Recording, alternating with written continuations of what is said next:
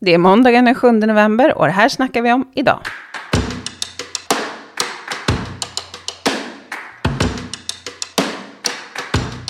Klimatförändringarna är här och nu. Vi märker redan av översvämningar, extremhetta, torka och stora bränder. För att nå klimatmålen krävs kraftsamling nu. Igår söndag startade klimattoppmötet COP27 i Sharm el-Sheikh i Egypten. Tyvärr representerar Sverige av Kristersson och Åkessons regering, som valt att stoppa viktiga klimatsatsningar, samtidigt som de lagt förslag som kommer öka Sveriges utsläpp markant. Vad står det om klimatet i regeringens slottsavtal? Och hur har den nya miljö och klimatministern hanterat sina första veckor på jobbet? Och vad är alternativet till den här otroligt ihåliga politiken från högern? Om detta snackar vi idag. I studion finns jag, Anna Herdy och Kajsa Fredon, Vänsterpartiets ledamot i riksdagens miljö och jordbruksutskott. God morgon Kajsa. Du är ny riksdagsledamot för Vänsterpartiet och ny ledamot i riksdagens miljö och jordbruksutskott. Vill du berätta lite kort om dig själv för lyssnarna? Ja, god morgon Anna. Eh, jag är 61 år. Eh, jag gick med i Vänsterpartiet 2011. Jag är som ni hör uppvuxen i Stockholm. Stockholms södra förorter. Men jag har bott i över 30 ja, cirka 30-35 år i Dalarna. Eh, men det hörs inte på min dialekt. Då. Men du är riksdagsledamot på Dalabänken? Jag enkelt. sitter på Dalabänken. Eh, jag har varit aktiv sedan 2014 i kommunpolitik, men framför allt i Region Dalarna. Och där fick man ju jobba med allt möjligt, hälso och sjukvård, men det jag var intresserad av och, och har arbetat mycket med är ju regional utveckling. Och där kom ju även klimat, miljö, infrastruktur och, och sådana frågor in i, i ett länsperspektiv. Spännande! Jättekul att ha dig här i podden. Vi ska ju prata lite om COP27 eh, som startade igår. Och idag väntas många av världens ledare komma just till Egypten då. Vad händer egentligen på COP27? Vad är, vad är grejen? Ja, grejen med det är ju att varje år så samlas eh, världens länder för att göra praktik av Parisavtalet. Det man beslutade i Parisavtalet ska man försöka komma överens om hur det ska gå att genomföra. Eh, och det är ju COP27 eh, så man har ju hållit på ett tag då. Det som, det som jag tycker är det viktigaste nu med tanke på att, att det är ju inte så att vi pratar om en, en klimatkris som ligger i framtiden, utan vi är ju faktiskt i krisen. Det är ju hur vi ska hantera frågan om fattiga och rika länder. För det är ju de rika länderna som har släppt ut mm. historiskt och, och, byggt upp sitt välstånd med fossilt, eh, ja, använda av fossila bränslen och så. Men det är ju i stor utsträckning de fattiga länderna som nu drabbas. Mm. Eh, av klimatkrisen. Och det här behöver vi fördela medel mm. till det. Så det är väl den brännande frågan mm. tycker jag. Och där borde Sverige gå och visa vägen och vara i framkant. Men mm. det tycker jag inte vi har hört så mycket av. Nej, Dagens Nyheter rapporterade ju här nu på morgonen att Sverige säger nej till fattiga länders krav om en särskild fond för klimatskadestånd. Och där det ju, finns ju lite ja. olika förslag på olika fonder och, och sådär. Men, men Sverige ska i alla fall följa den EU-linje som som EU-länderna har kommit överens om inför COP27.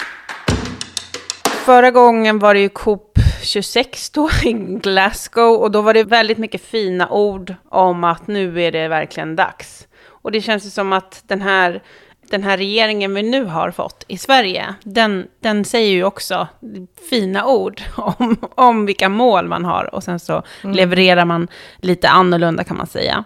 Sverige har i alla fall en ny regering och en ny klimat och miljöminister. Och hon heter Romina Pourmokhtari och är liberalpartist. Så här lät det i Agenda i går söndag. Den här regeringen har inga sänkta ambitioner på varken klimat eller miljöområdet. Vi står fast vid de högt ställda klimatmålen som Sverige har.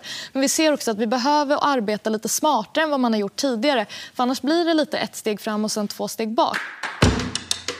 Och det är ju ett fin, en fin utsago kan man säga från klimatministern. Att vi har inga lägt, lägre ställda ambitioner. Men vad, vad är det som egentligen syns i det här äh, slottsavtalet? Ja, det, det, pekar ju på precis tvärtom. För, för i slottsavtalet, för det första så har man ju lagt ner miljödepartementet. Eller man säger att man stoppar in det under energi. Eh, och nä, nej, näringsdepartement och det är Ebba Busch som håller i pengarna. Så miljöministern har ju ett stort ansvar för klimat och miljö. Men hon har inga muskler, för det är inte hon som bestämmer. Så att det här är ju att prioritera ner miljö och klimatpolitik. Eh, punkt, mm. skulle jag vilja mm. säga. Mm. Det är det första. Mm. Eh, sen pratar man ju inte alls om miljöpolitiken överhuvudtaget. Det nämns ju i en mening. Mm. Eh, nästan som en överskrift i Tidöavtalet. Men sen, sen nämns inte det, utan det är bara energi. Mm. Man fokuserar ju mest på kärnkraften, men det har vi ju hört i hela mm. valrörelsen. Mm. Och, och eh, det verkar vara som att kärnkraft, istället för att ha en bra miljö och klimatpolitik, så har man använt kärnkraftskortet. Mm. Det, mm. det är min åsikt. Mm. Och sen behöver man inte göra så mycket mm. mer. Så det kör de ju hårt mm. fortfarande. Då kan man säga elektrifieringen är viktig. Alltså måste vi satsa på mer förnybar, eller inte förnybar då, men el som i alla fall är inte så smutsig. Och därför så ska vi bygga fler kärnkraftverk. Sen så liksom förhåller ju inte den frågan sig till hur lång tid det tar att bygga kärnkraftverk. Nej, det krävs alltså vi behöver ju lösningar här och nu. Och och eh, man, man försämrar ju till exempel för etableringen av havsbaserad vindkraft mm. i Tidöavtalet. Ehm, så att eh, det är, ställt, det är ju stora frågetecken och jag kan ju tänka mig att vi får se vad det blir för budget imorgon. Men mm. jag kan ju tänka mig att även näringslivet och industrin som håller på och ställer om mm. till stora delar i norra norra Sverige, de måste ju undra vad regeringen håller mm. på med, mm. tänker jag. Mm. Förutsägbarheten försvinner ju ja. under liksom någon slags ganska falsk flagg om eh, att man måste vara rättvis i sin fördelning av subventioner och så vidare. Alltså, men jag menar, statlig industripolitik kan ju vara precis tvärtom, det vill säga gynna dem, den slags produktion av el som eh, man tycker är viktigast. Liksom. Ja. Och då, jag läste häromdagen att, att ett av de havsbaserade projekten, det var i södra Skåne, det skulle ta, regeringen ska säga ja eller nej till det nästa år. Mm. Får de klartecken, då undrar vi också hur det går med subventionen mm. naturligtvis. Då. då måste de räkna på det. Mm. Men blir det klartecken nästa år, då tar det sex år mm. att få färdig produktionen. Mm. Och det var halva Skånes elförbrukning. Mm. mm. Och det kan aldrig kärnkraften, eller by, oavsett vad man tycker om mm, kärnkraft, mm, mm. det kommer aldrig hinnas med inom rimlig tid med mm, kärnkraft. Mm. Så det här är ju, det är ju liksom att gå baklänges. Mm, och DN rapporterar idag, vi vet ju som sagt inte, budgeten kommer imorgon och den här podden kommer ut förhoppningsvis dagen innan budgeten. Eh, och DN rapporterar idag om att omkring en tredjedel av reformutrymmet i regeringens kommande budget väntas gå till just subventioner av bensin och diesel och bilresor. Regeringen har ju också, det bland de första liksom, besluten som man fattade var ju att ställa in den här stora infrastruktursatsningen som handlar om, om eh, snabbtågen. Eh, man har förändrat i reseavdragen. Det är ju allt annat än att upprätthålla de här höga målen och, och så vidare. Det, för i verkligheten så blir ju det otroligt mycket mer sänkta ambitioner. Mm. Ja, och man, kommer ju, man ökar ju utsläppen. Mm. Eh, så är det. Miljöministern mm. säger ju någonting helt annat. Att vi lovar att hålla, vi ska hålla ambitionen och mm. vi ska skapa en robustare mm. klimatpolitik. Mm. Men det återstår ju att se, tänker jag. Det här med reseavdraget är ju helt vansinnigt. Mm. Berätta lite för de som inte är helt insatta. Ja, men det, det reseavdrag som var tidigare, om jag har fattat det hela rätt, eh, det gynnade ju fossilbränsle i bilar, de som åker fram och tillbaka till jobbet. Och det gynnar ju framförallt de som bor, alltså de som använder det mest var ju de som bor i storstäder. Eh, och det blir ju jättekonstigt för i folktäta områden i Sverige så har, det är ju där vi har en fungerande kollektivtrafik. Så då kan man ju säga att fler borde kunna åka kollektivt. Och det här uppmuntrade ju inte alls till det. Det här var också ett stort utsläppsproblem i klimatomställningen. Och då hade ju alla övriga partier, om jag förstod det rätt, utom Sverigedemokraterna, kommit överens om en förändring i systemet. Vilket även den förändringen tyckte vi var bra. Den skulle gälla alla färdmedel, inte bara bil, utan även om man åker kollektivtrafik. Och den var också eh, beroende av avstånd. Alltså, mm. beror, man får, beroende på hur mycket du får, beror på hur långt du har att åka. Mm. Och det här hade ju gynnat de faktiskt som behöver de här omställnings, eller de här mm. bidragen. Mm. Och det är ju de som bor på landsbygden, mm. inte har tillgång till kollektivtrafik. Mm. Det här har man ju plockat bort nu. Och sen så, eh, nu kommer man ju pytsa in ännu mer pengar till de som, många som kan åka kollektivt som bor i, i Man tar helt områden. enkelt tillbaka det gamla systemet men bara höjer ersättningarna. Och plussar på, mm. ja. Så att man skulle ju haft det gamla avdraget eh, men samtidigt kanske höja milersättningen i de områden eh, där man inte har kollektivtrafik. Mm. Mm. Det hade ju varit mycket, mycket bättre. Så att det här är en enorm försämring. Mm nu har vi liksom fyra långa år med den här regeringen och eh, Vänsterpartiet har ju utlovat en, en kraftfull opposition mot liksom, såklart politiken. Vad tror du, är, vad tror du kommer vara viktigast att, att eh, liksom upprätthålla i oppositionspolitiken när det kommer till klimat och miljöfrågan? Mm. Alltså vi, vi, behöver ju, vi behöver ju också satsa på Alltså man nämner ju inte infrastruktursatsningar. Nu kanske det kommer sådana satsningar. Men, men det som vi trycker på det är ju att vi ska satsa på järnväg vad det gäller transporter, fossilfria transporter. Vi behöver satsa jag menar, ska vi kompensera för höjda bränslepriser för många människor, då måste vi ju satsa stort i hela landet på kollektivtrafik. Där har ju vi satsningar. Sen har ju vi vårt investeringspaket för klimatet på 700 miljarder. Eh, och det har inte jag hört någon annan prata om ett sånt stort investeringspaket. För ska vi på riktigt förändra så måste vi ju investera. Det går ju inte annars. Och det var ju infrastruktur, elproduktion, energieffektivitet eh, och eh, bostäder. Att, att anpassa och bygga nytt klimateffektivt. Det här måste ju ske samtidigt. Mm. Och sen har vi ju en, en eh, naturkris samtidigt. Mm. Vi måste värna den biologiska mångfalden. Vi behöver använda oss av Sveriges marker i större omfattning som kolsänka. Mm.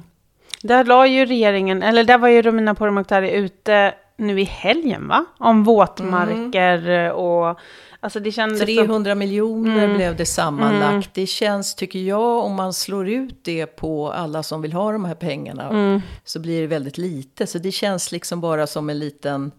Det är någonting man säger, mm. men hade man varit menat allvar med det här, då hade man ju lagt på mer pengar på mm. det, tänker jag. Men det får vi se i budgeten, vad det blir.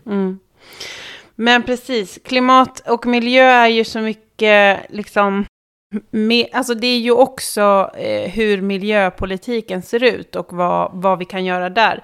Jag såg igår på Aktuellt så hade man ett reportage, eller om det var i Agenda, så hade man ett reportage om just att liksom, eh, de förberedelser och anpassning efter de liksom, klimatförändringar som kommer att ske. Även om man, det här att tvågradersmålet, alltså det är ett genomsnitt. Det betyder ju inte att vi bara kommer få två grader, utan vi kommer antagligen få mer. Och vi har ju redan ganska stora i södra Sverige, stora problem med översvämning, skulle kunna ha, mm. om, om vattennivåerna stiger liksom betydligt. Eh, där tänker jag också är en sån, eh, alltså anpassningspengarna. Mm. Hur, hur tänker du?